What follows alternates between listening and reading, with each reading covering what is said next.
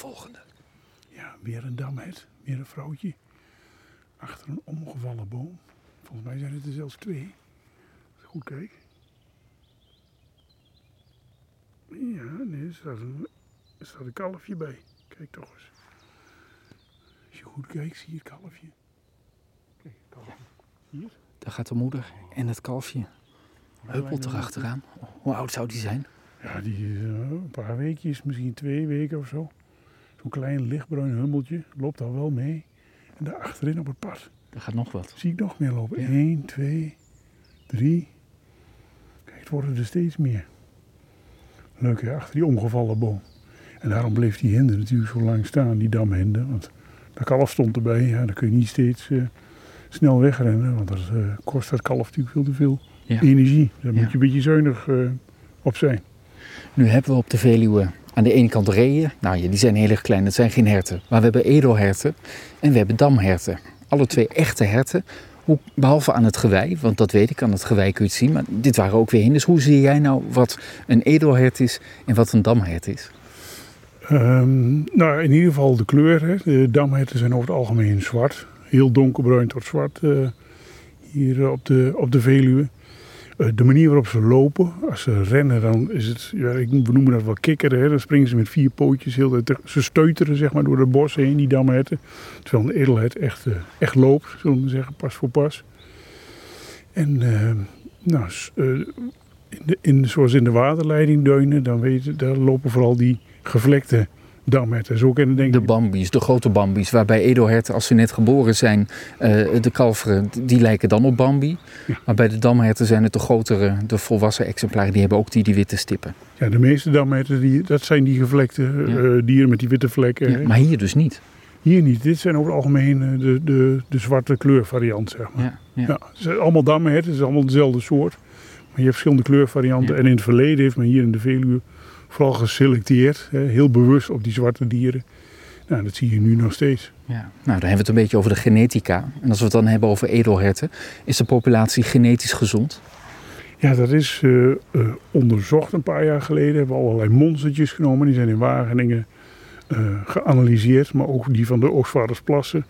Ook die van het Weerterbos, hè, waar, in Limburg, waar een paar herten lopen. Maar ook van de Duitse populaties die net over de grens zitten. En van de Eifel.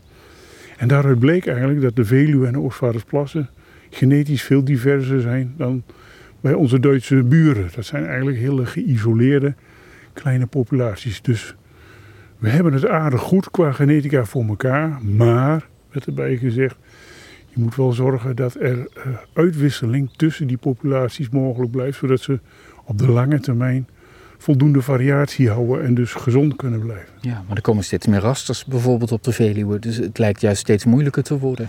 Ja, het is dus essentieel dat Oostvaardersplassen bijvoorbeeld met de Veluwe kan uitwisselen. En de Veluwe bijvoorbeeld met het Rijkswald. Of met het Bentheimerwoud achter Overijssel.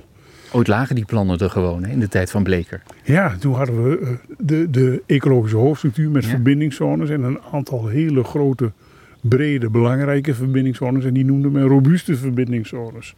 En die zijn inderdaad door Bleker weggestreept in 2010 ongeveer.